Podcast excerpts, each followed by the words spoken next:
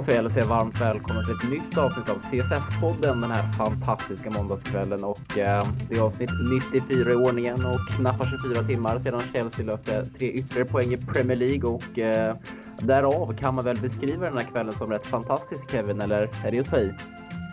Ja, nej men den är väl eh, helt okej. Okay. Försöker hålla mig ändå lite nere på jorden. Fantastisk skulle jag väl inte säga.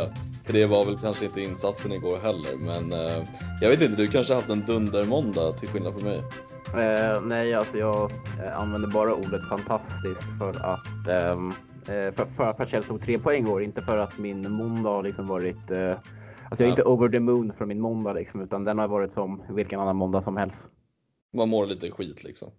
Eh, jag mår faktiskt inte skit. Nej. den här måndagen för att jag tycker att jag har det rätt, eh, eller jag har inte soft i skolan men jag har ju så här att jag har eget arbete eh, till eh, ja, slutet av mars. Så uh, man får styra e- sitt egna schema lite själv och det är så här ingen deppig så här, föreläsning klockan nio på morgonen en måndag morgon utan i morse sov man ju till eh, halv elva försov mig lite också. Men eh, det kan man ju göra nu när man styr sitt eget schema. Nej, men det tycker jag, det får du kosta på dig lite med tanke på också att det, det är kanske inte den så här roligaste miljön just nu uppe i Piteå kan jag gissa på när det är snö och kan gå ner till de minusgrader. Det kan göra som du förklarade i förra avsnittet så förtjänar man kanske att sova lite längre.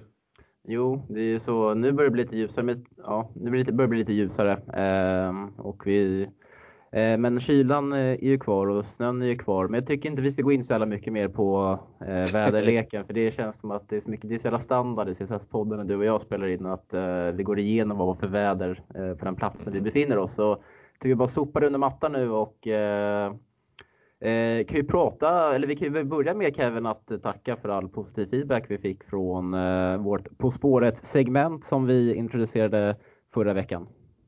Ja, nej men det var fan kul. Jag är ju som sagt en eh, På spåret-torsk sedan tidigare. Jag vet inte hur mycket du har spånat det, men eh, jag tittar ju på det slaviskt varje fredag egentligen. Och det, var, det var ganska kul. Det var, det var väl lite mer att vi var oroliga för men hur svåra våra liksom, rebusar eller frågor är egentligen. Eh, eller vilken spelare vi nu ja, skulle visa att det, det, var. Men jag tycker att vi ändå kom fram till bra ledtrådar. Det verkar som att vissa kanske av den äldre generationen om man får säga så, hade lite lättare med typ den du hade, Eide Gudjonsen.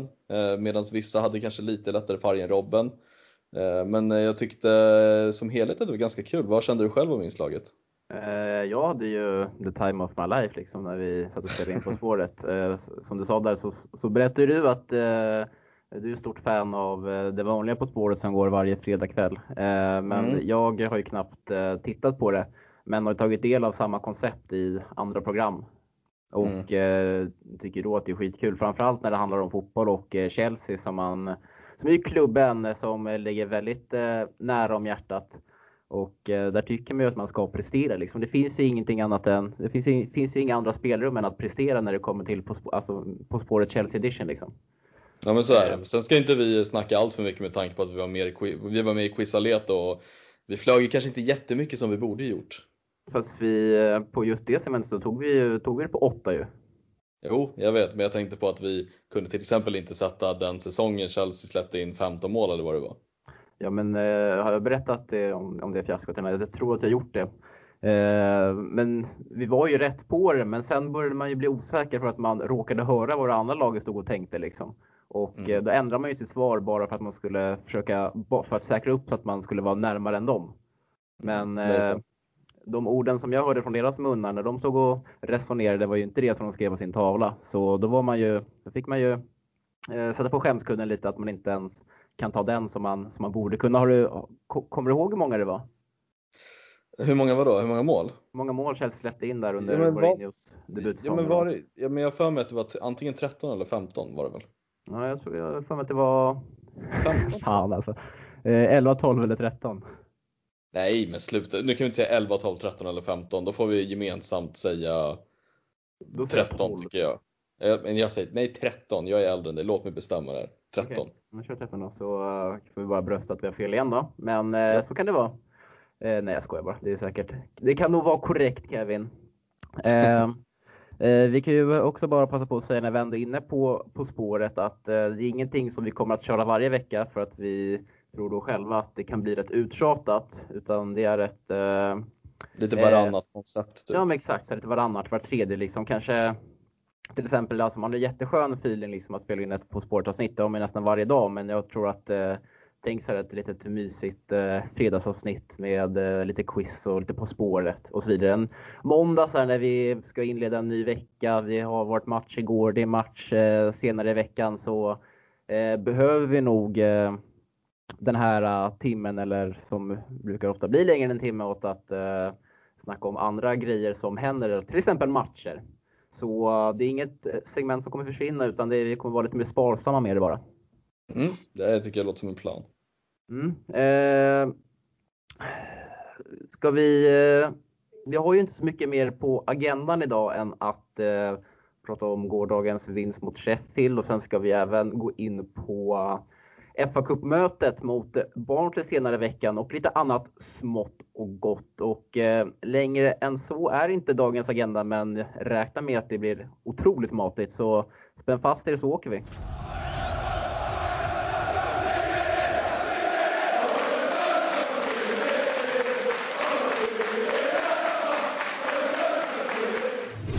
Men vi som läser nyhetsjournalistik här, vi vet ju om att man ska börja med det hetaste först och eh, det hetaste, som har hänt, det är ju det är väldigt dagsfärskt för det är ju angående Champions League-mötet här med eh, Atletico Madrid eh, som kommer att spelas här i slutet mot februari. Den matchen ser ut att flyttas till, flyttas till neutral mark eftersom att den eh, spanska regeringen, som jag förstått det, förbjuder inresandet av engelska resenärer fram till som det ser ut just nu i alla fall den 16 februari, men eh, att det kommer att förlängas och eh, matchen är ju planerad att spelas den 23 eller 24 februari om jag minns rätt. Så Atletico Madrid eh, kikar just nu på lite alternativa spelplatser och eh, jag har läst att eh, ja, det, det känns som att det är många städer som har kommit upp i mitt Twitterflöde under dagen. Eh, och jag skrev ner här vilka, vilka jag kommer ihåg. Det var Bukarest eller Warszawa som har varit de hetaste alternativen. Ja, nej men jag läste väl till mig också att det absolut främsta är Warszawa i Polen eh, som, som ska vara det man troligen, alltså det, den staden det troligen kommer flyttas till. Sen har ju Bukarest också varit ett, ett av alternativen men vad jag har sett så har väl typ de flesta korrar i alla fall skrivit om att det troligen blir Polen och jag vet inte, jag vet inte vad det gör med dig men för mig förändrar inte det jättemycket med tanke på att vi nu ändå, ja, nästan till en säsong om man räknar in slutet av förra säsongen har spelat utan publik. Eh, visst, det är fortfarande hemmaarena man har spelat på, som neutral mark vet jag inte hur stor skillnad det gör om det nu inte kommer vara publik heller. Nej, jag lägger absolut ingen värdering i det alls. Alltså, Nej. som du säger, och det, är, och det, har all, alltså det, har, det har med att göra med den här publik, med publikdelen som du just nämnde, att um, den, den, den, största fördelen med att spela hemma är att man får liksom, man får hemma publiken i ryggen. Uh, framförallt mm. i en Champions League-final så är det ju så är det extra viktigt, men uh, det känns här whatever att spela på Vandra, Vanda Metropolitano än att spela i Warszawa. Liksom. Jag tror inte det gör någon större skillnad faktiskt. Men om det är någon som ska ha fördel av det så är det ju Chelsea. Liksom. Varför då egentligen? Eller vad tänker du? Ja, men jag tänker bara så att liksom Chelsea, alltså blir liksom eh, en fördel, med, en fördel som man, man kan ha framförallt är det kanske de här CL eh, eller Europamötena är att man slipper det här resandet. Mm. Eh, och eh, ja, Chelsea eller Atletico får en, en resa mer i sina ben än vad Chelsea kommer få, för de måste ju ta sig till London och Stamford Bridge lite senare i matchen i returmötet Stamford Bridge.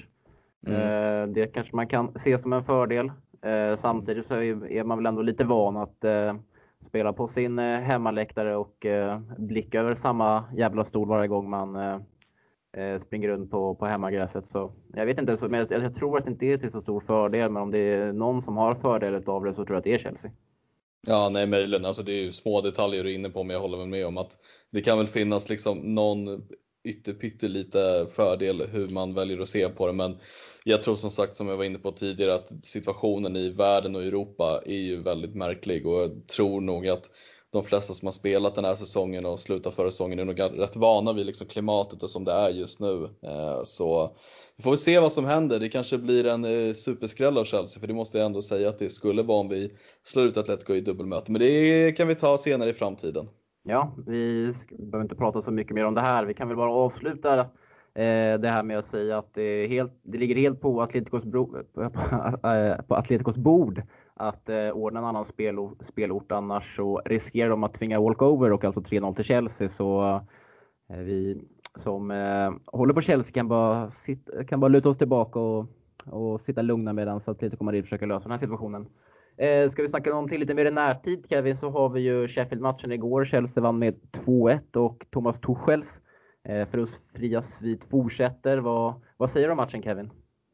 Mm, Ja, men jag, det jag säger är att jag tycker att det var ett svårt motstånd. Eh, jag tycker att Sheffield gentemot Burnley och Wolves, de backar väl hem i princip lika mycket, men att jag tycker Sheffield av de två lagen vi mötte tidigare gör det kanske allra svårast, men också att vi, vi gör en väldigt dålig insats måste jag ändå säga med facit i hand och att vi har Alltså kanske inte flyt på det sättet, för jag tycker inte Sheffield skapar jättemycket förutom en sista målchans i slutet. Men snarare mer att vi var ganska idéfattiga den här matchen. Eh, mot Wolves fanns det ändå lite kombinationer som var fina. Alltså, den påminner då lite mycket om Wolves-matchen tyckte jag, men samtidigt som att kvaliteten var lite sämre den här matchen. Så eh, man ska ju inte liksom säga att det är fy skam att slå Sheffield United borta med 2-1 med tanke på att det är också ett desperat bottenlag som jagar poäng och de gör ju det bra utifrån sina förutsättningar tycker jag den här matchen har gjort det på slutet också för den delen. Så att, eh, svår match att summera tycker jag i sin helhet men att vi eh, välförtjänt ändå tar tre poäng och väldigt viktiga tre poäng. Sen var det väl lite synd att vi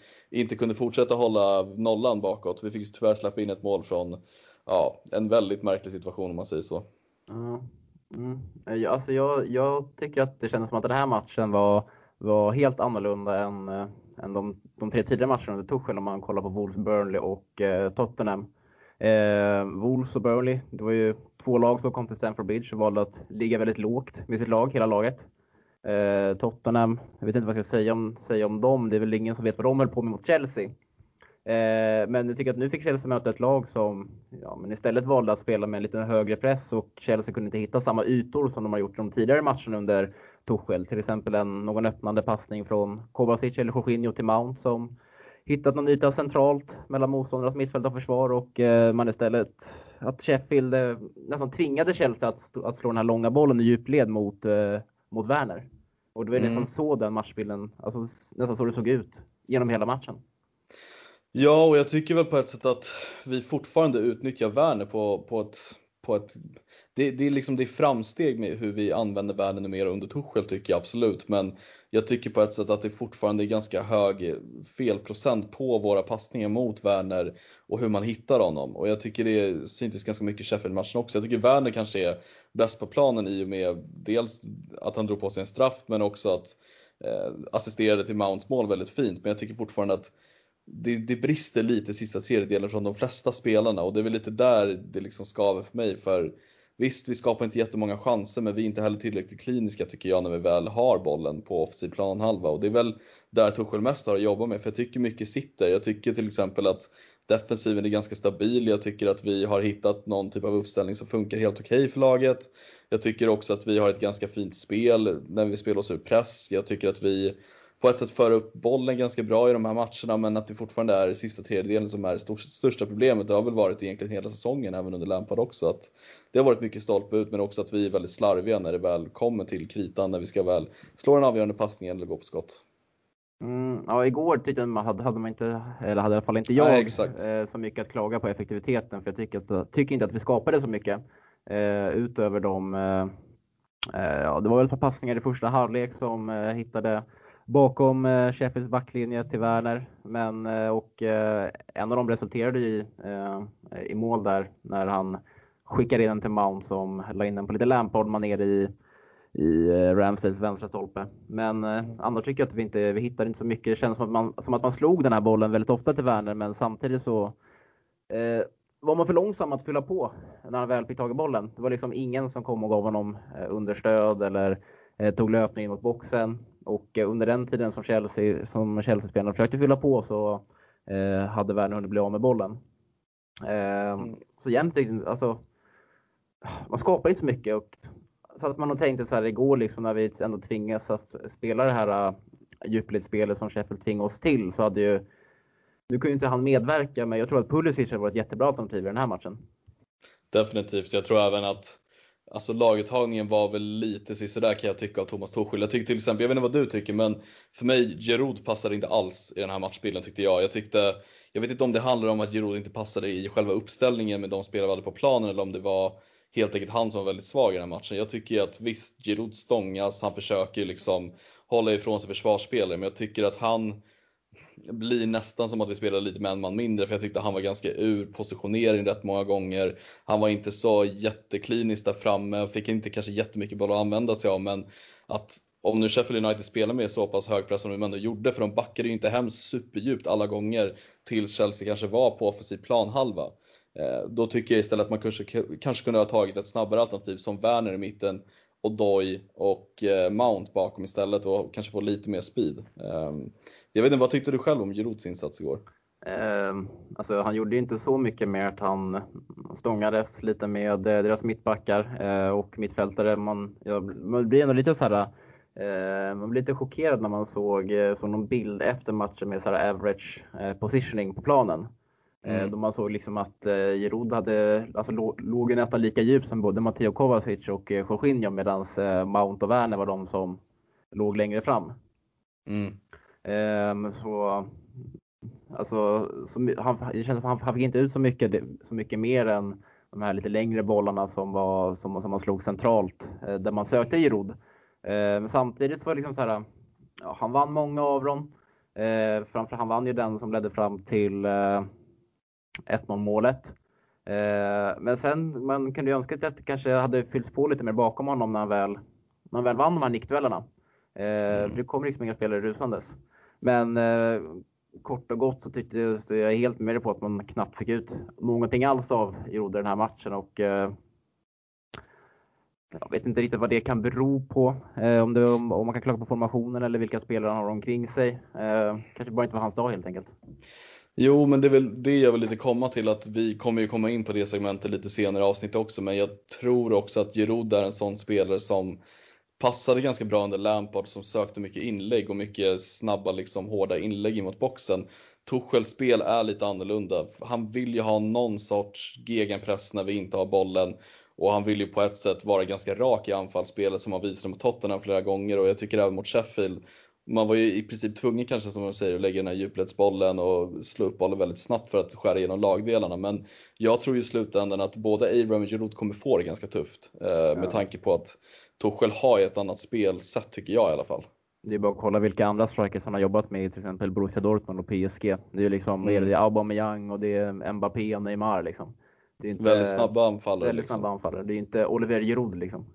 Nej, och även, nu var ju inte Tammy på planen eller fick några minuter, men även Tammy kommer ha det ganska svårt för visst, han är väl ganska hyfsat snabb på liksom längre sträckor, men det är ju inte en spelare heller som kanske har den där dundertekniken att kunna ta emot bollen och vända upp och göra sin gubbe och springa, utan det är ju också en princip targetspelare eller straffområdesspelare. Så att, eh, det ska bli intressant att se egentligen hur mycket de två kommer matchas och om det kommer vara någon skillnad på deras spel i själva uppställningen. För att Igår tycker jag att man fick ut, fick ut väldigt lite av Giroud. Jag tycker när han har spelat under Tuchel har han inte visat jättemycket. Eh, det är väl de som har tagit mest steg under Tuchel är väl kanske liksom, ja men Mount till exempel. Werner har ju varit ganska bra när han har spelat och Kovacic har ju glänst liksom. Men, äh, men det, det, ska bli intressant. Och Dojen har ju varit väldigt fin också. Någon, fan, någon som jag tyckte var riktigt jävla dålig igår var eh, Jorginho. Han var riktigt dålig igår alltså. Mm, ja, jag håller med. Han var, det, är, det är väl som vi konstaterade tidigare i den här podcasten att eh, eh, alltså, jag tycker han är väldigt svag mot lag som pressar högt. Ja men så är det. Han, han, han kommer till sin rätt när, det, när vi möter ett lag som är lågt och som kommer backa hem egentligen med hela laget för att på något sätt kunna bibehålla ett lugn på mittfältet. Men som du säger, får han lite press på sig så hänger jag inte med. Och den här karn, alltså vad kan han snitta på 100 meter? 5 säck kanske? Uh, Nej 5 säck, förlåt 15 säck menar jag. Ja jag tänkte väl, jag tänkte vad fan håller du på med? Nej, men, alltså, det, var det, det, var det, det du som skrev eller läste jag det här någon annanstans i poddgruppen eller på Twitter att det vore intressant att se om man hade tagit Peter Crouch på 100 meter? Ja det var jag. Det, jag skrev det i spelarbetygen efter matchen att Alltså att se Crouch och Jorginho springa ärligt talat mot varandra. Jag tror ju att det är liksom på håret vem som vinner den duellen. Det kanske var ett litet eh, uppvaknande för eh, Eh, för Tuchel också. För att jag minns att jag läste Eh, när eh, Tompa blev eh, klar för Chelsea här för ett par veckor sedan att att han gärna vill ha en central mittfältare som är bra på att behandla bollen under press och nödvändigtvis kan slå en avgörande passning genom motståndarens försvarslinjer. Och det känns liksom inte som att Jorginho passar in i den profilen. Det har vi, det har vi alltid vetat, i alla fall vi som har kikat Chelsea vecka in och vecka ut sedan Jorginhos ankomst till Premier League sommaren 2018. Att, att han, liksom, han, han är inte lika användbar när jag möter lagen, de bättre lagen som, som väljer att pressa högt. För han kan ju liksom inte hantera, alltså han kan inte hantera press. Alltså det går inte. Nej, och det, väl, det, blir väl också ett problem med sig när vi, när Torshäll väljer att använda Mount högre upp i banan. Jag tycker Mount har varit jättebra högre upp i banan.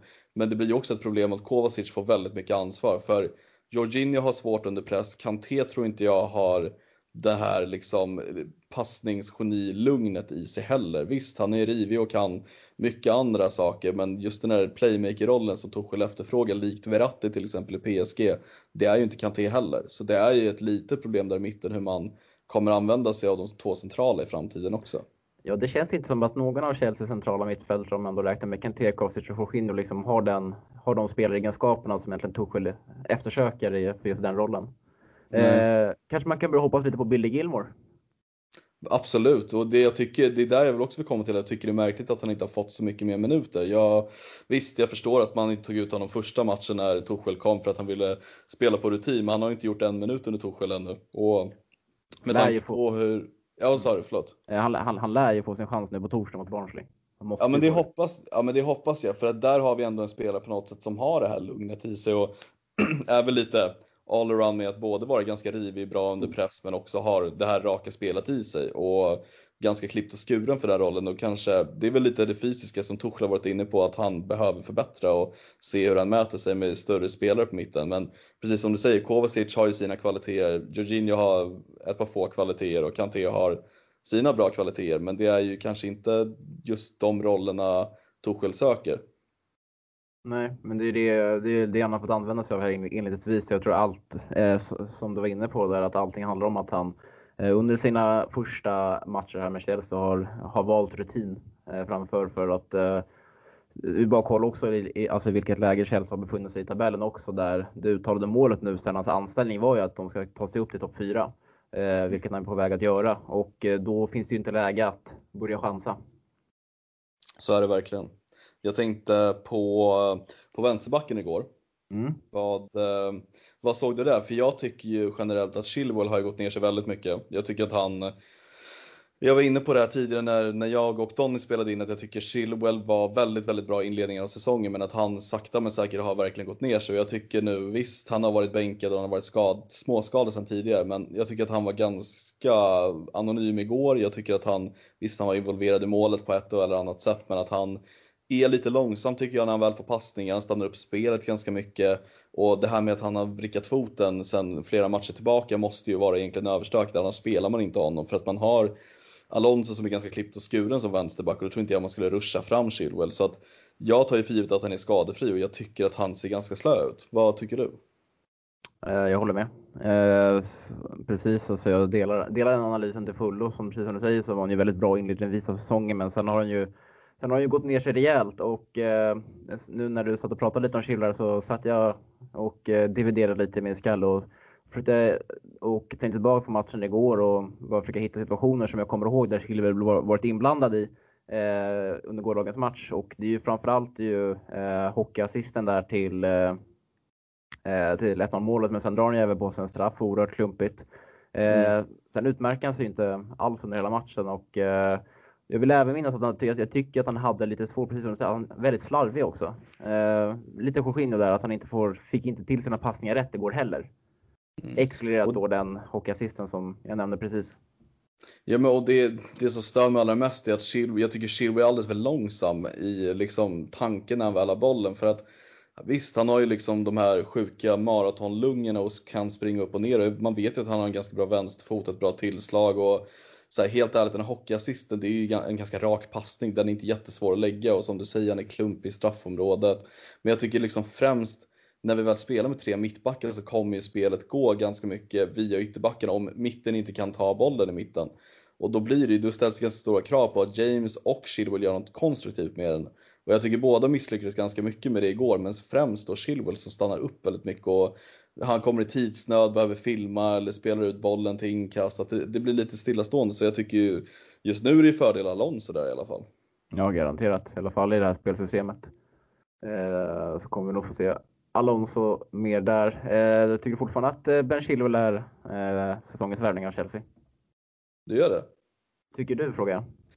Jaha, eh, alltså det är ju så jäkla svårt också att från match till match liksom bedöma vem som har varit årets värvning eller inte. Men jag håller ju fortfarande, oavsett Thiago Silva, som den viktigaste värvningen. Och jag har stått fast för det ganska tidigt att Visst, det är, Chilwell är en bra vänsterback, jag tror att han kan bli en av de främsta i England, absolut. Men det Thiago Silva har kommit med till klubben kan man inte bara liksom köpa eller få sådär som vi fick Thiago Silva. Han kom gratis, visst han är en hög ålder, men det är ju Alltså om vi tänker tillbaka förra säsongen, hur mycket du och jag satt i podden och pratade om egentligen försvarsspelet hela säsongen. Allt ifrån hörner, frisparkar, markeringar, allt.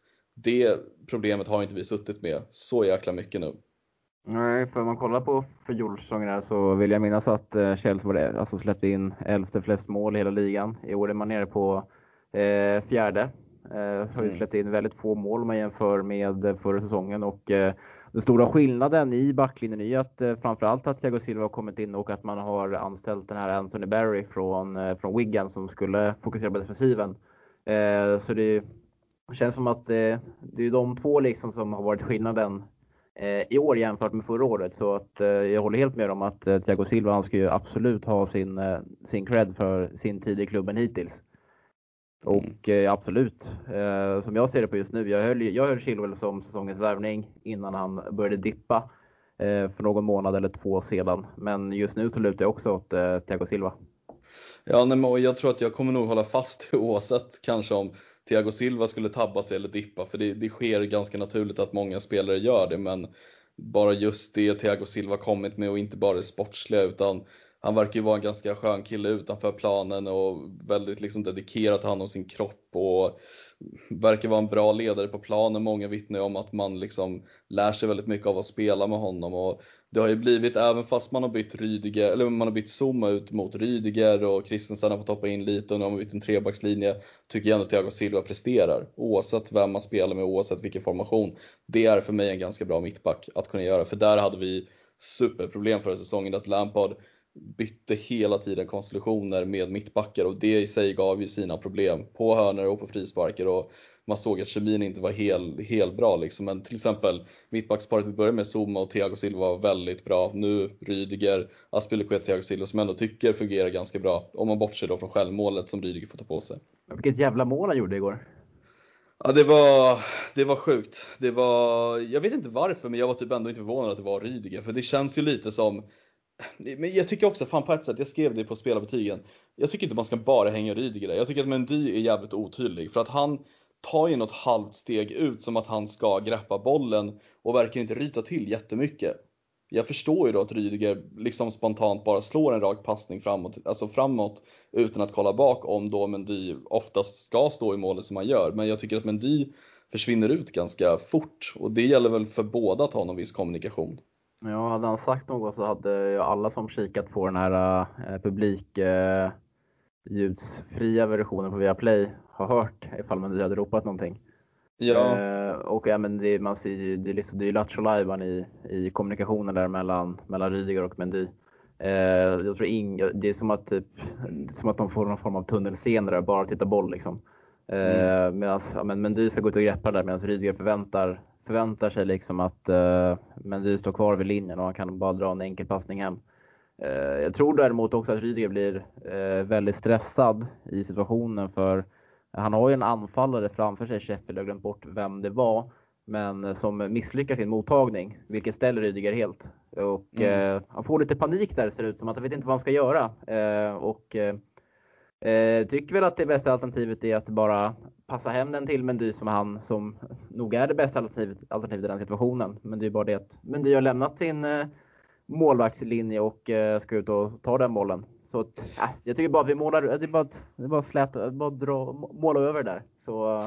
Ja, och jag tycker Rydiger gör en ganska okej match efter det. Jag tycker att han täcker några viktiga lägen och att han har ändå hyfsat kontroll på matchen. Sen så måste man ju också gå ut och försvara det som hände på hans Instagram tycker jag är så jävla pinsamt att det fortfarande sker med alla rasistiska kommentarer han får ta eller alla liksom nedlåtande kommentarer. Och visst, man kan ju ha sina åsikter om vad man tycker om en fotbollsspelare på planen i liksom CSS-podden-gruppen eller om man nu vill yttra en tweet eller vad det nu kan vara. Men att gå in och jaga hans sociala medier och skriva att han har en viss hudfärg eller att han kommer från ett visst ställe. Det är, jag, vet inte, jag tycker bara det är så jävla jag vet inte, det är så jävla vidrigt att det fortfarande sker på det sättet. Det har ju egentligen skett i princip efter hela det här Lampard exit grejen att Rydiger skulle vara någon del av en konspiration och få ut honom från föreningen och man har börjat skriva massa rasistiska grejer. Jag bara tycker det är så jävla trist att det fortfarande sker. Ja, det gillar vi verkligen inte. All form av eh, personliga påhopp är, är det vidrigt och framför, framförallt också på eh, bakom, eh, bakom anonyma namn och skärmar liksom. Det finns ju fan ingen vits över, överhuvudtaget med det. Nej, eh, och att det, det, det har ju liksom skett på typ, jag bara förlåt, men jag bara tänkt på att det har ju liksom skett på Kepas konto, det har skett på Rydigers konto, det har skett på Mounts konto. Det är ju liksom, jag vet inte vad, vad det är som gör att man drivs så jäkla mycket om att göra på det sättet och det kan jag aldrig egentligen svara på, men att man har orken att göra det fattar jag inte alltså. Nej, det är, det är bara sjukt. Ehm, jag eh, tyckte att eh, Torshäll sa en väldigt intressant sak efter matchen. Eh, han tyckte att det var starkt att vi lyckades vinna mot Sheffield med tanke på att vi besegrade Tottenham bara för ett par dagar sedan. Och menar att det är normalt att eh, spelarna känner en viss form av lättnad efter en sån där stor och viktig match och sen är det dags att koppla på igen för att möta Sheffield på bortaplan en kall söndagkväll i februari. Eh, jag tror, jag tror även att spelarna och uh, Tuchel själv för den delen kände en liten extra lättnad också efter Spurs-matchen med tanke på att uh, Chelsea presterat så uselt mot motstånd i toppen av tabellen den här säsongen och vinsten mot Tottenham i torsdags var väl, uh, var väl den första där vi egentligen beseg besegrat ett lag som ligger på topp 10. West Ham. West Ham, ja, men jag tror att de, men när vi väl besegrade West Ham så låg de inte på topp 10. Nej, visserligen sant. Jag tror det är någon form av sådan statistik. Eh, så jag kollade upp här innan vi började spela in hur det såg ut förra säsongen. När vi, liksom, när vi, har, när vi har vunnit en stor match, hur vi har presterat i matchen efter. Mm. Eh, och det var faktiskt ingen match som vi vann förra året efter att vi hade slagit något av de här uh, topp 6-lagen. För mm. när vi vann mot uh, Spurs med 2-0 i december förra året så torskade vi mot Southampton på hemmaplan direkt efter. När vi vann mot uh, Arsenal där i mellandagarna så kryssade vi mot Brighton på nyårsdagen sen. Eh, vi eh, kryssade mot Bournemouth eh, som sen åkte ur Premier League efter 2-1 mot Spurs hemma. Och vi förlorade borta mot West Ham efter vi vann med 2-1 mot Manchester City nu i somras. Mm. Så om man tittar på det på det sättet kan man då kanske säga att den här matchen det var ett steg i rätt, i rätt riktning. Att man lyckas vinna trots att man spelat en både mentalt och fysiskt påfrestande match omgången innan. Ja, nej men absolut. Jag skulle ju säga att sen Torsches anställning så är väl hela laget egentligen ett steg i rätt riktning med tanke på dels den utdelning vi har fått men också att Torshäll har ju nog också säkert haft väldigt stor press på sig att komma in och prestera redan direkt från start och jag menar Visst, Wolves-matchen 0-0 men sen dess är det idel vinster och spelet har väl hackat några matcher till och från och kanske inte har varit helt fläckfritt men vi har kommit iväg med poängen till vår fördel. Eh, och speciellt i en sån här match mot Sheffield vilket jag verkligen kan förstå att man har liksom en mentalt ganska jobbig match mot Tottenham med tanke på hur mycket det betyder och hur mycket liksom prestige det är i matchen. Men inte bara att det är en rival men utan tabelläget och det här, det här berättar om att man behöver slå topp 10-lag och sen liksom ställa om direkt och åka till Bramall Lane borta och stångas mot ett Sheffield som också är ute efter alla poäng som de kan få tag på. Det är givetvis ett, ett jättestort steg i rätt riktning men också att vi på något sätt också har byggt upp en, alltså en vinsttrend som inte vi har haft på ett ganska bra tag. Nu har vi ändå, vad blir det, är det fyra matcher i rad vi har vunnit nu? Uh, nej, det var ju, jag tänker på FA-cupen också? Ja, ja, då är det fyra raka. Ja, fyra raka och vadå, det har vi ju inte haft. Nej, det har vi inte alls. Det är ju tre raka. Vi kryssar mot Wolves i Torshälls första match. Ja, men precis. Men oavsett vad, att vi har på något sätt en vinstrad och det är väl någonting vi kan luta oss lite på nu. Eh, såklart ska vi inte fortsätta tappa poäng som vi gjort tidigare, men jag tycker att det, det blåser ändå ganska bra vindar nu. Jag satt och tänkte på det själv här också. Liksom så här, ja, men om du vinner mot Tottenham, liksom, typ en av de en av Chelseas största, största rival liksom, på torsdagskvällen. Alltså tänk att vakna upp den fredagsmorgonen och bara tänka att ja, men på söndag ska jag åka upp till Bremer Lane och möta Sheffield i minusgrader. Alltså hur mm. taggad blir man då liksom? Nej, det är klart. Det flyger ju inte jättehögt. Nej, så det är ju det är ju skönt att i alla fall att, eh, att även fast det kanske inte såg så jävla roligt, alltså att fast vi inte spelade så, så bra som, vi, som man hade förväntat sig igår så är det ändå styrkebesked. Om man ser till förra årets resultatrad eh, att eh, vi ändå åker upp och löser tre poäng borta mot Sheffield. Så att eh, har man det i beaktning så är det ju så är det bara dunder att vi vann igår. Verkligen, men också någonting som, vi, som du också lär ha tänkt på, men alltså fuck vad alla resultat har gått med oss också. Ja, oh, herregud. Det är jävligt kul att kolla tabelläget igen. Ja, nej men alltså vad är, jag har inte tabellen uppe, men du kan ju kanske dra en liten swipe hur det ser ut. Eh, jag vet, alltså, jag kan, det är väl Chelsea ligger på femte plats med 39 poäng, Liverpool har 40, eh, Leicester på 43, United på 45 och sen blir City på 50. Men eh, sen tror jag Everton ligger på samma poäng som oss, eller en poäng under, fast eh, en poäng mindre och har två matcher mindre spelade. Men med tanke på resultat som gick våran väg så var det ju att West Ham, de eh, tog ju noll mot, eller tog en poäng mot Fulham. United, eh, det där jävla härliga eh, kvitteringsmålet från Calvert Lewin eh, på Old Trafford på lördag kvällen gjorde så att United tappade poäng. Eh, och i långa loppet så, så är ju såklart, så tror jag, ser, ser man ju United mer som, en, eh, som ett hot än vad Everton gör, även fast Everton också är med upp och nosar.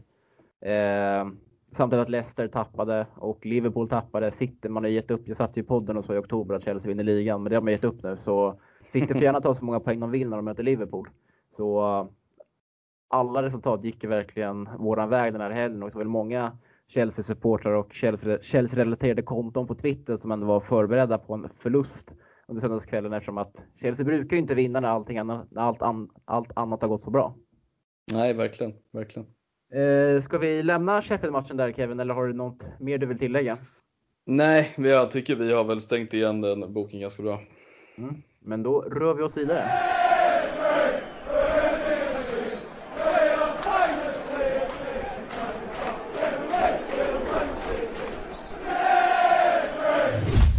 Eh, nästkommande match är ju mot Barnsley på bortaplan på torsdag i FA-cupens femte runda. Och eh, det är ju rundan här nu innan kvartsfinalerna drar igång, så man kan väl säga att det är någon form av åttondelsfinal. Och eh, det är lite lag Kevin som vi bara ska slå. När man tittade på, på lottningen så var ju Barnsley ett av fyra Champions lag som var kvar i turneringen och det hade till exempel kunnat bli någon av Manchesterklubbarna eller Everton och Spurs. Men lotten föll på Barnsley och eh, det ska väl vara vara raka vägen in till kvarten va? Ja, nej men det tackar man verkligen inte nej till. Att få åka till Oakwell i South Yorkshire och göra sylta av eh, Barnsley. Nej, men skämt åsido så, så är det väl klart att det, det är väl den kanske mest optimala lottningen vi kunde få. Och av ren liksom spontan, spontana intentioner så satt jag och kollade just den här eh, fa Cups-omgången. Och då var det ju Norwich och Barnsley lägligt innan jag skulle iväg på någonting tror jag det var. Kommer inte ihåg vad fan jag skulle göra och då, då, då så säger kommentatorn helt plötsligt bara, ja men någon av de här lagen kommer ju få möta Chelsea. Då blev det hela lite mer intressant för Norwich anses ju vara ett ganska bra lag i Championship. De leder ju ganska överlägset och har kanske bäst trupp och förutsättningar och sådär. Men Barnsley gjorde det bra mot Norwich och spelade egentligen på försvarsspel mot dem och tråcklade sig vidare så att vi får se hur det blir. Vi mötte ju dem tidigare i eh, ligacupen när det blev 6-0 på Stamford Bridge. Kanske du kommer ihåg med Kai Havertz fina hattrick? Ja, det minns man. Jag kommer ihåg att jag var, eh, satt och kollade den och så kommer jag ihåg att jag blev eh, jag blev lite besviken på den matchen faktiskt. Jag tycker det var alldeles för lätt. Och eh, det ser ut som att matchen var ju över innan domaren ens hade hunnit blåsa igång visselpipan. Och vips sa det bara mm. så hade Kai Havertz smält in, smält in ett hattrick. Eh, och ändå tycker jag inte att vi spelade så bra den matchen om jag minns fel. Jag minns inte så mycket från den matchen. Alltså, det var väl, var inte det Thiago Silvas första match också? Jo, jag tror det. Det var väl det och så var det väl Kai Havertz eh, mini liksom, islossning eller vad man ska säga. Jag kommer ihåg det här fina överhoppet av Abraham tror jag det var till Kai Havertz från Mounts passning. När Kai Havertz la in den bakom forna Chelsea-keepern Brad Collins i mål. Kan det vara världens kortaste islossning på Kai Havertz där? Ja, nej men utan tvekan. Det, jag tror inte det finns en värre, kortare islossning. Mm, nej, men eh, Barnsley, det verkar ju vara en så otroligt ointressant klubb i alla fall om man försöker göra lite research på dem. Eh, jag till exempel sonderar ju terrängen på Twitter efter Barnsley-journalister och det fanns ju knappt en kotte som skrev om det laget. Eh, fick man ju gå in liksom på Who Scored för att eh, försöka göra lite research. Och då tyckte jag hittade någonting som är kanske lite mer roligt än intressant. Eh, Husgård eh, tar i alla fall upp deras som en, som en av deras främsta styrkor, eh, att sno bollen av motståndaren. Men deras största svaghet är att de inte kan behålla bollen när de väl har den. Så eh, man behöver nog inte sitta så jävla orolig i soffan när eh, Chelsea råkar bra med bollen, för man vet ju om att de kommer tappa den inom några sekunder. Så att det är ju lugnt. Ja, nej, men det var väl lite på riktigt typ den känslan jag hade också när jag mötte Chelsea, att det var väl så här hyfsade bra bollvinster. Sen så försökte man föra upp bollen och tappa den lite halvt på vägen. Men eh, jag tycker väl ändå det kanske roligaste med Barnsley är väl deras eh, anfallare som gjort nio mål på 23 matcher. Vad heter han? Kylie Woodrow. Kylie Woodrow. Ja, Kylie Woodrow. Ett fint efternamn. Det betyder inte det garderob eller något sånt där skit på engelska? Wood betyder ju trä. Och någonting annat. Nej, du, wardrobe. Wardrobe. wardrobe. Ja, ja, men nästan. Jag tycker ändå det är ett fint, fint brittiskt namn. Gamla Fulham-talangen. Ja, jag noterade där faktiskt också att eh, eftersom att han var deras mesta målgörare den här säsongen så klickade man in på hans profil att han hade gjort fem matcher i, eh, och ett inhopp. Fem starter och ett inhopp i Fulham säsongen 13-14. Mm. Det, det, det, kanske är, är det någon eh, liten kittlande rivalitet att få möta honom? Eh, ja, men det måste ju trycka till lokal, lokalspelarna som inte har gjort sin, eh, sin uppfostran i Chelsea Akademi. Så att eh, det är väl den form av prestige vi kan hitta i det här mötet va? Ja, men jag kan ju också då få lägga in Alex Mowat som också spelar i klubben som är lagkapten. Han är ju fostrad i Leeds. Ja. Finns det ju ännu mer rivalitet att gå på där. Ja, absolut. Eh, annars så såg jag inte, när jag kollade igenom truppen lite så var det inte så många namn som intresserade mig. Noterade väl bara att eh, det kommer vara, förmodligen bli dubbelt danskt på planer som att det är en dansk som heter Mads Andersen i, eh, i Barnsley. Otroliga uttalet. Mads. Eh, så att eh, Kristensson, a.k.a. Dansken, kommer ju kunna utbyta några danska ord i alla fall. Och eh, det mm. kan man väl också ta med sig och lite utkik för om de går upp in, i någon duell på någon hörna för att de är ju båda, båda central, eller centrala, de är ju båda mittbackar så det är väl bara där de kommer att mötas. Om inte Christensen ger sig ut på lite rädd offensivt. Vi såg han ju göra det mot Sheffield igår, igår ju under den ja, det... första halvleken. Ja men kan vi snudda lite vid fem sekunder. Christensen var ju faktiskt ganska bra i den matchen tyckte jag. Alltså, han gjorde ja. ju inget liksom större avtryck som negativt som positivt. Utan han hade sin lilla räd som var ganska stabil, vilket förvånade rätt mycket. Och jag tänkte också på att man bör ju egentligen hänga med en läppläsare som kanske har dansk bakgrund i den här matchen så man kan få se lite vad de snackar om. Det är pölsen eller om det är smörbrödet eller vad det nu kan handla om.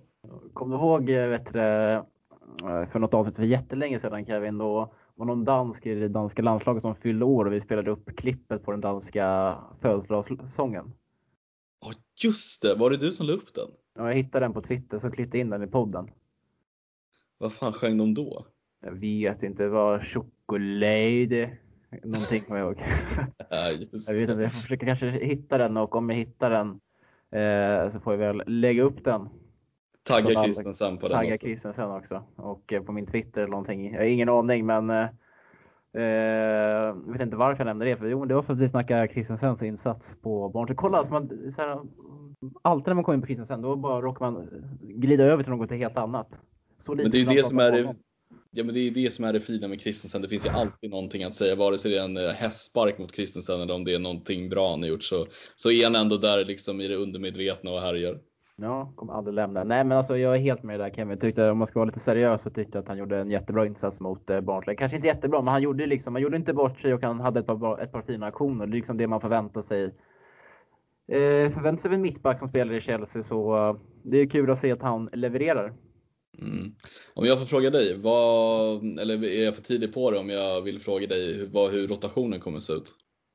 Eh, jag satt faktiskt och tänkte lite på det förut och jag tycker det är väldigt, alltså det är, det är extremt svårt att säga om redan nu så här, så här om, framförallt när det är tre dagar kvar till avspark och har bara suttit på posten i, ja det är väl två veckor imorgon blir det väl två veckor prick. Mm. Eh, så man, man har inte lärt känna honom riktigt på det sättet än hur han, alltså hur han roterar sina, sina trupper. Man vet ju om sedan tidigare att han Eh, han gillar att använda eh, nästan hela sin trupp under säsongen och att det kommer bli jättemycket rotationer eh, under säsongen. Men jag skrev i alla fall upp en 11 som jag, som jag tror kan bli. Kan ju nämna att också med Thiago Silva där att det kom ju besked efter Sheffield-matchen att han förväntas vara borta ett par veckor till för den skada han drog på sig mot Tottenham så han kommer inte finnas med. Eh, sen är det väl lite osäkert med eh, Kai Havertz och Pulisic. Båda två missade ju gårdagens möte. Kai Havertz för den känningen drog på sig förra veckan på träning och Pulisic hade eh, familjeproblem. Eh, inte mer info än så kommit ut. Och sen var det ju Werner som eh, lunkade av eh, mot Sheffield och så blev, man såg ju på eh, tv-bilderna där att han fick eh, massa bandage runt hela låret. Så, men har, har du läst någonting om, om hur allvarligt det var? Nej, alltså ingenting egentligen om Kai Havertz skada. Han verkade vara ganska liksom lugn. Han, han hade ju någon efterintervju med Chelseas hemsida och det verkade inte vara något snack om att Nej. han hade någon känning som skulle hålla honom längre borta. Jag tror ju att det handlade om när han drog på sig straff så fick han ju en lårkaka i samband med det.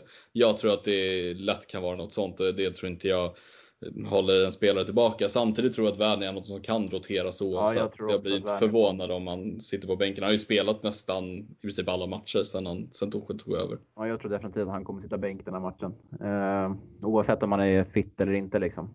Mm. Eh, Men dra, att, dra din elva så ja, kan jag höfta lite. Jag vill bara nämna en sak till. Eh, så jag tänkte att han eventuellt kanske kan gå upp på en fyrbackslinje den här matchen för att lasta av några försvarsspelare. Eh, mittbackar. Så jag slår till med en elva eh, med Kepa längst bak. Eh, sen, visste jag, sen vet jag faktiskt inte alltså vem som kommer lira högerback i så fall, om det är James eller Aspilicueta.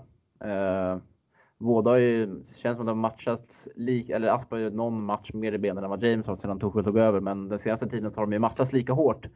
Eh, så där är det lite 50-50. Sen tror jag att det blir Zoom och Dansken i mitten. Och eh, sen tror jag faktiskt på Chilwell ute till vänster för jag tror att man kanske sparar Alonso till eh, eh måndag och Newcastle. Sen tror jag på en, jag tror på en 4-3-3 då med Gilmore, Kanti och Havertz om man är frisk. Och sen längst fram så tror jag på Ziyech, Abraham och eh, Odoyen. Fina, fina Abraham. Jag älskar det uttalet. Eh, jag tror faktiskt att han kommer spela Emerson eh, som vänsterback. Ja, nej, men mer för att Alonso spelade ju nu senast. Eh, han hoppade in förra matchen, startade matchen innan det. Emerson har inte fått spela en minut. Jag tror ju på något sätt att han vill nog, som du säger, lufta truppen. Använda sina spelare. Jag tror att Emerson kan få spela. Jag tror också James kommer att spela högerback med tanke på att Aspilicueta har ju kanske åldern emot sig och att han har spelat varje match sen, eh, sen Tuchel tog över. Och James behöver nog komma in i det lite också. Jag tycker inte heller han har varit jättebländande sen han har kommit tillbaka. Men annars är jag ganska mer på, på mittfältet, om det nu blir en fyrbackslinje, att det blir tre centrala. Att uh, Kanté kommer definitivt få starta tror jag. Jag tror att Gilmore bör få några minuter. Och vem sa du mer? Var det... Havertz om han är frisk. Precis, Havertz borde ju också få starta på mitten rimligtvis. Eventuellt om man kanske kör någon 4-2-3-1 med Havertz som 10 i sådana fall. Mm. Um, ja men Abraham, Ziyech och Pulisic sa du var till vänster. Hudson-Odoi. Hudson Odoi, ja men Hudson Odoi, ja precis. För det verkar ju som också, det läste jag någonting om Pulisic, att han, det eventuellt kan bli så att han får några dagar, för de skrev att han kommer få några dagar ledigt. Mm. Eh, så det kan ju innebära att han kanske missar den matchen också i och med the family issues. Med att han troligen kanske inte hinner träna innan matchen eller något sånt, att han inte då är uttagningsbar. Så att eh, varför inte Hudson Odoi? Mm. Lägligt där med Super Bowl-natt också.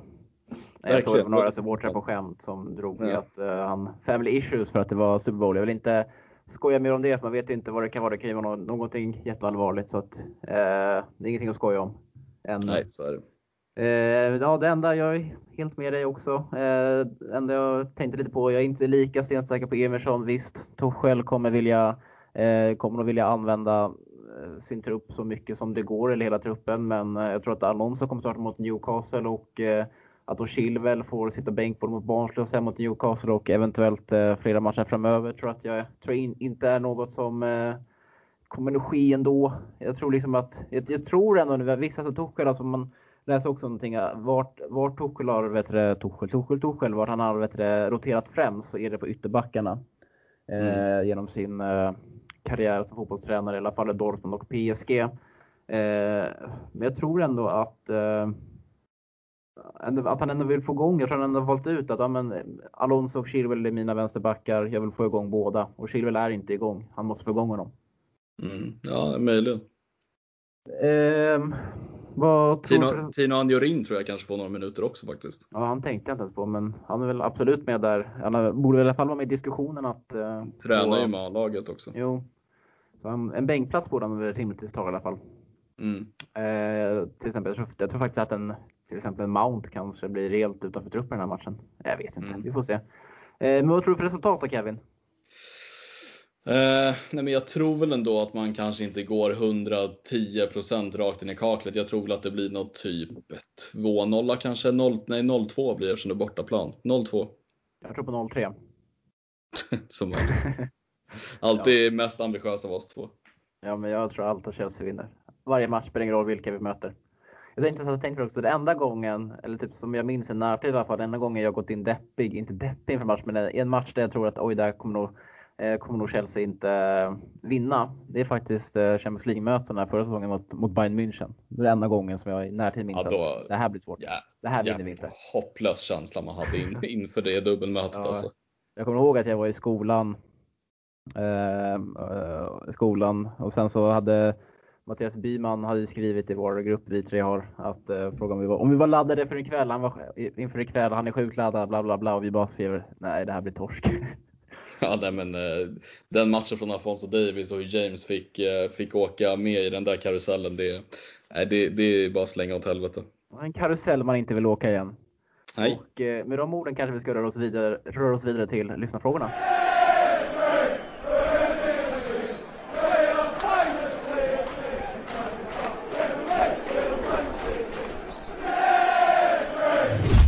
Som vanligt så har det öst in frågor i vår grupp på Facebook, CSS-podden. Och är du inte med i den så är det dags att bli det nu. Det är bara att gå in på facebook.com, skriva CSS-podden i sökrutan och svara på en enkel fråga så accepterar jag eller Kevin dig att gå med. Och då har man ju då möjligheten att kunna ställa frågor till oss eh, när vi inför ett avsnitt här samt även vara med i andra intressanta diskussioner som berör Chelsea.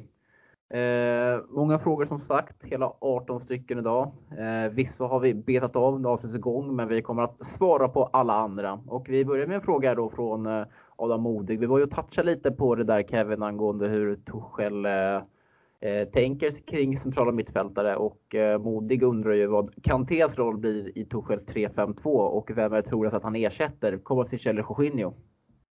Alltså helt ärligt så har jag så tror jag att Tuchel kanske tänker att han inte kommer ersätta någon av Kovacic och Jorginho. Jag tror ju att Jorginho verkar vara den typ av spelartyp som han kanske lockas allra främst av. Samtidigt har ju Tuchel varit ute och sagt att han har försökt värva Kanté tidigare till PSG så det är ju väl en liten favorit hos honom. Så om det är någon jag skulle gå på så är det ju Jorginho, även fast jag tycker att han kanske passar Tuchel allra bäst i vad han kräver utav en mittfältare. Men jag tycker ju liksom att det är ologiskt att peta Kovacic i den formen han har varit i. Så att det är väl given av de två i alla fall. Adam Modig, han är säker i alla fall att eh, Kanté kommer in i Tuchels bygge. Mm, Man, får se. Baserat på hur frågan är formulerad i alla fall. Mm. Eh, Alexander Eidert, när tror ni att TT, alltså Thomas Tuchel, vågar släppa till i defensiven? Igår avslutade vi mer eller mindre nio defensiva av 11 och det kan ju inte vara TTs långsiktiga plan.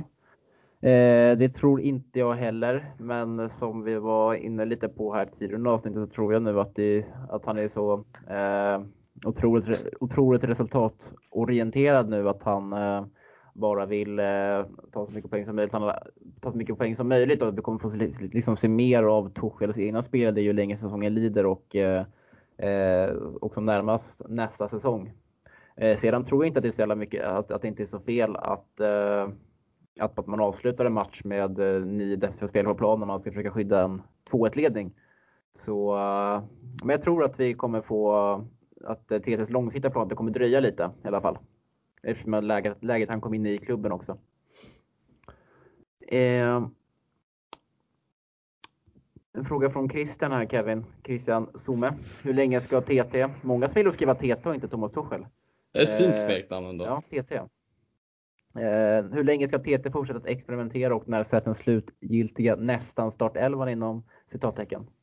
Alltså Tuchel är ju en tränare som roterar laget och det gjorde han även i PSG. Han hade väl kanske vad ska man säga, fyra, fem spelare som han tyckte var sina hörnstenar i sitt lagbygge och det är väl där jag tror att han kommer väl leta efter de viktigaste spelarna. Jag tror ju Mount är en av de som han kommer fortsätta spela oavsett om det är nu Torshäll som tränar laget och inte Lampard. Thiago Silva är väl en av dem också. Sen skulle jag nog gissa på att Werner och kanske i framtiden Kai är väl de som kommer vara mest givna. Så kommer man rotera ganska mycket för det är en tränare som gillar att använda hela laget oavsett om det är ett toppmotstånd man möter eller ett bottenlag man möter. Han tycker ju att jag vet inte om han går in med inställningen att alla förtjänar att spela, men snarare mer att han ser väl rotationen som någonting viktigt och att han kan anpassa olika spelare efter olika matcher. Och han är ju taktiskt väldigt duktig, så att eh, jag tror att det passar. Mm. En fråga från Robert Herbertsson. Har Mendy blivit lite mer linjemålvakt sedan matchen mot Everton då han orsakade straff när han kom ut fel? Innan var det han, var han ju ute och plockade ner inlägg både här och där. Eh, det är en väldigt intressant spaning för jag har faktiskt inte tänkt på det nu när jag tänker efter. Om man mm, huserar mer på linjen. Har du det?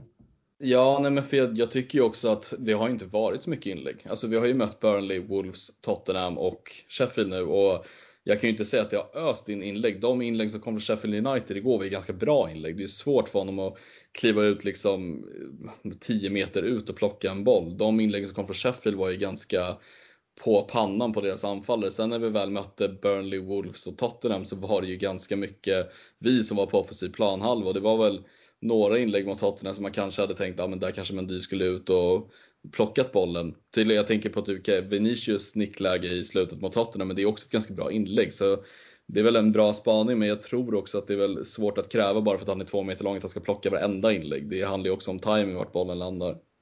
Mm. Eh, fråga frågan från Johannes eh, Bonander. Om vi möter Atletico Madrid imorgon, vilket tar ni ut och vad blir startelvan? Eh, jag hade nog tagit ut en liknande elva som vi hade mot Spurs, tror jag. Hade jag nog också. Kanske, eh, jag hade nog satt ändå Werner som toppspets med eh, Pulisic och Mount bakom.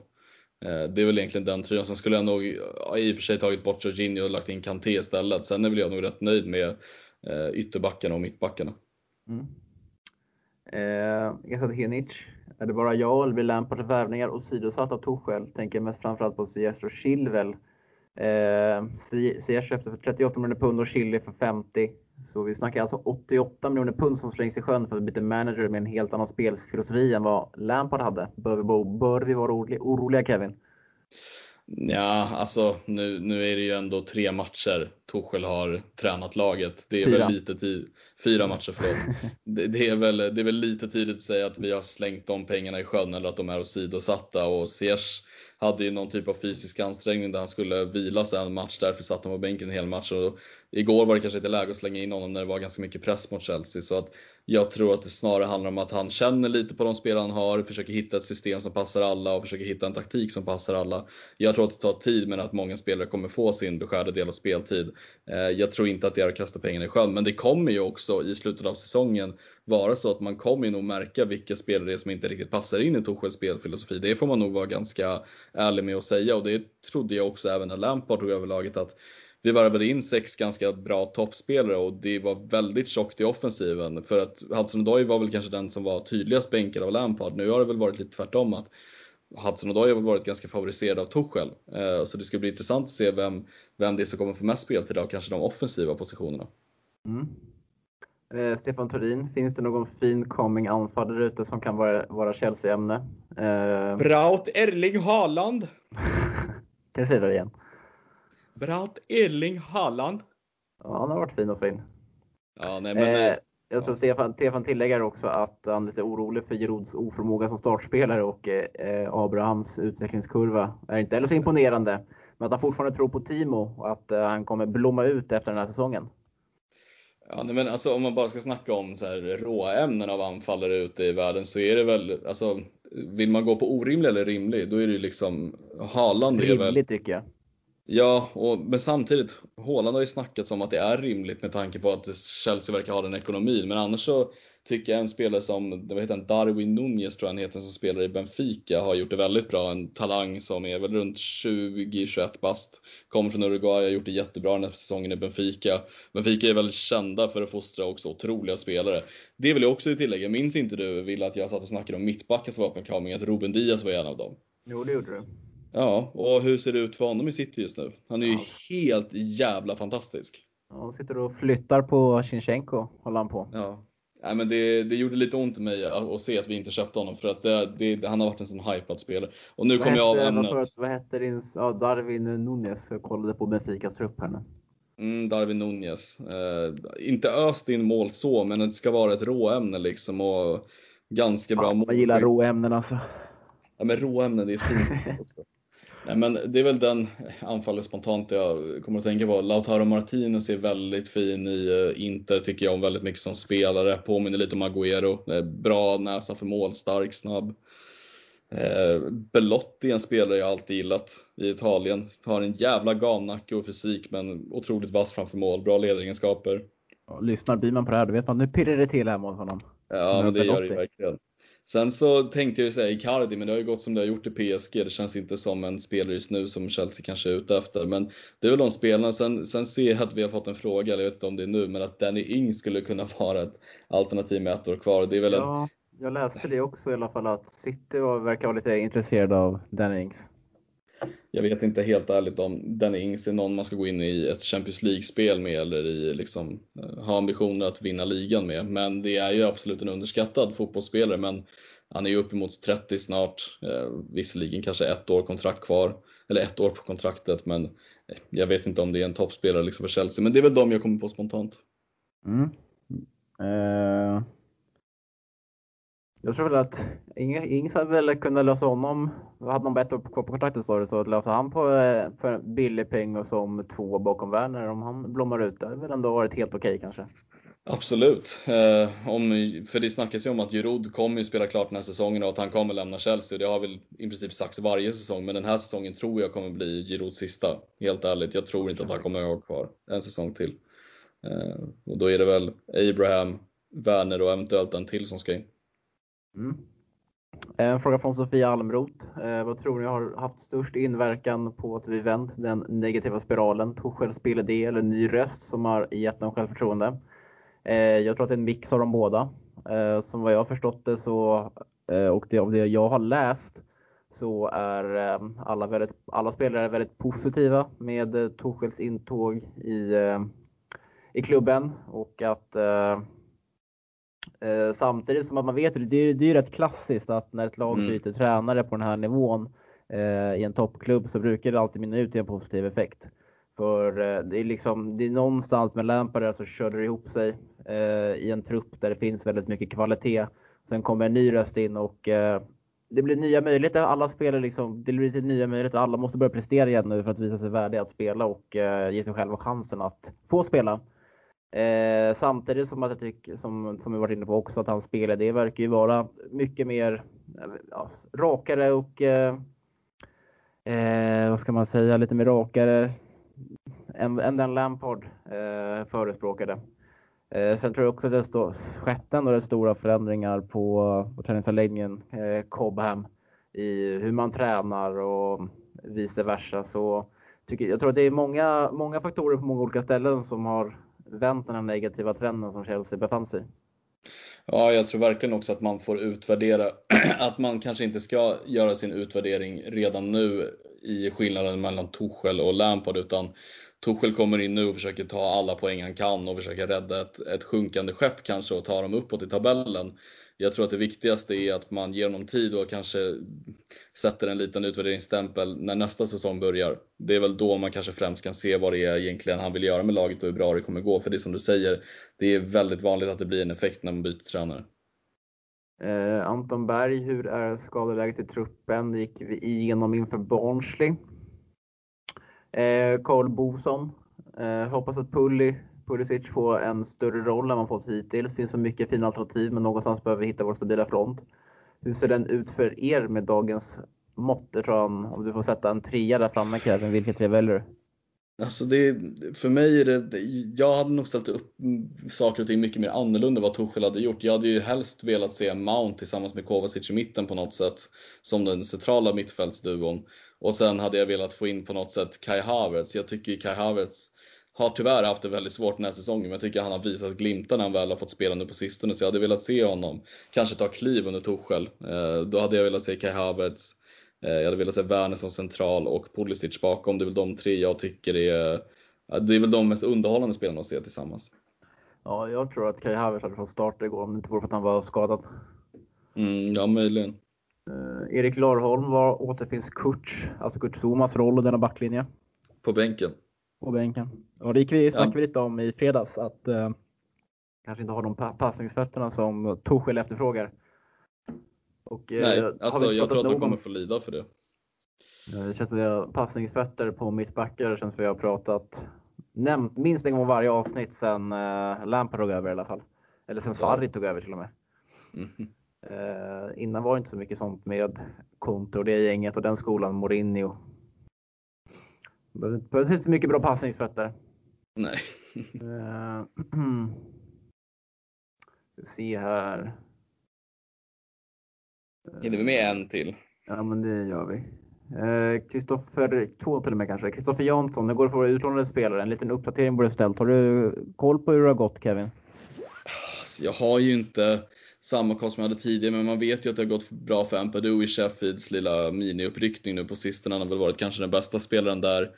Eh, sen har jag inte så här dunderkoll på de andra spelarna. Conor Gallagher har väl varit ganska ordinarie i West Bromwich. Ett West Bromwich går ganska tungt dock och har fått en ny tränare, Sam Allardyce, som spelar en ganska defensivt inriktad fotboll som vill ha mycket poäng. Och spelar väl där men får kanske inte ut jättemycket av sitt spel. Men det är ju samtidigt en skicklig och löpstark spelare så att eh, Får väl hoppas och se att utvecklingen kanske tar på fart på riktigt för han har inte gjort jättemycket poäng och assist och mål och så. Um, sen har jag, jag vet inte, kommer ja. du på någon? Ja, men jag kikade faktiskt på tre av våra utlånade spelare i helgen. Jag kollade faktiskt uh, på Barkley i 18 Aston Villa. Han går eh, jävligt bra dock. Han går jävligt bra. Eh, var kanske inte lika bra som han brukar vara eh, eh, i lördags mot Arsenal. Han blev utbytt och sparkade till en vattenflaska i alla fall. Ja, han kanske var bakfull. Bakfull. Eh, sen såg jag Loftus Cheek. Han eh, eh, utmärktes inte. Och sen så hade jag på eh, Tottenham VBA igår förmiddag, eller går, går lunchtid var det när, när den gick vid ett där. Eh, tyckte inte heller han utmärkte sig, men det är svårt i ett VBA som du säger med Sam Allardyce mot Tottenham på bortaplan. Eh, men de får i alla fall eh, spela med eh, eller de får, får, spela mycket i alla fall. Eh, så att det är ju bra. Det är väl det lånen är till för att de ska få spela. Mm. Uh, ska vi ta en sista här från Rickard Nordström? Mitt hjärta, yes. mitt hjärta klarar inte av uh, att vi allt som oftast vänder hem med boll ända ner till målvakt. Hjärtattack är ständigt nära. Kan du förklara finessen med denna spel och håller era hjärtan för den? Eh, alltså det är, det är många gånger, men Dy har ju inte den auran över att vara världens mest passningsskickliga målvakt. Men likväl så trocklar han sig igenom de flesta situationer med, med sina fötter och det är väl positivt på det sättet att Kepa hade ju en tendens att inte göra det. Eh, samtidigt så, jag har väl aldrig riktigt varit för att man behöver köpa någon typ av spelande målvakt som Pep har gjort till City med Ederson. Att man ska kunna svånga upp bollen 80 meter på en ytter eller liksom ha helt briljanta passningsfötter. Jag tycker ju att har en målvakt som kan rädda så prioriterar jag hellre det än att vara så jävla stark med fötterna. Men finessen med det, ja det är väl att man vill bibehålla så mycket bollinnehav som möjligt och inte ge bort det till motståndarna och kunna spela sig ur en press tror jag är ganska viktigt också. Vi fick ju se ganska bra intentioner av Mendy mot Tottenham där han kunde bryta eh, en press ganska bra med en rak passning upp till Jorginho eller Kovacic som eh, vidare kunde ta den till Mount. Så det är väl, det är väl positivt. Ja, det är väl precis som du säger, att man behålla bollen och ha ett större sannolikhet att man får till ett anfall genom att Eh, spela bollen längs marken istället för att bara sjunga iväg den. Så att eh, det är väl just därför man gör det. Och mitt, eh, mitt hjärta är klarare så länge inte dansken är inblandad så att det är lugnt. Ska vi vara nöjda så Kevin? Jag tycker vi knyter ihop säcken för idag. Det blev ett köttigt avsnitt om kommande och förra matchen. Det är väl bra tycker jag. Är du förvånad eller? Jag är inte alls förvånad. Det var ganska väntad, eh, väntat avsnittstugg, men jag tyckte ändå det var fint att prata lite en måndagskväll. Ja, det är snart tisdag. En dag närmare helg. Perfekt. Ja, för fan. Bra, ändå bra vision för veckan. Ja, men då sätter vi helt enkelt punkt där och så får jag önska alla en trevlig vecka.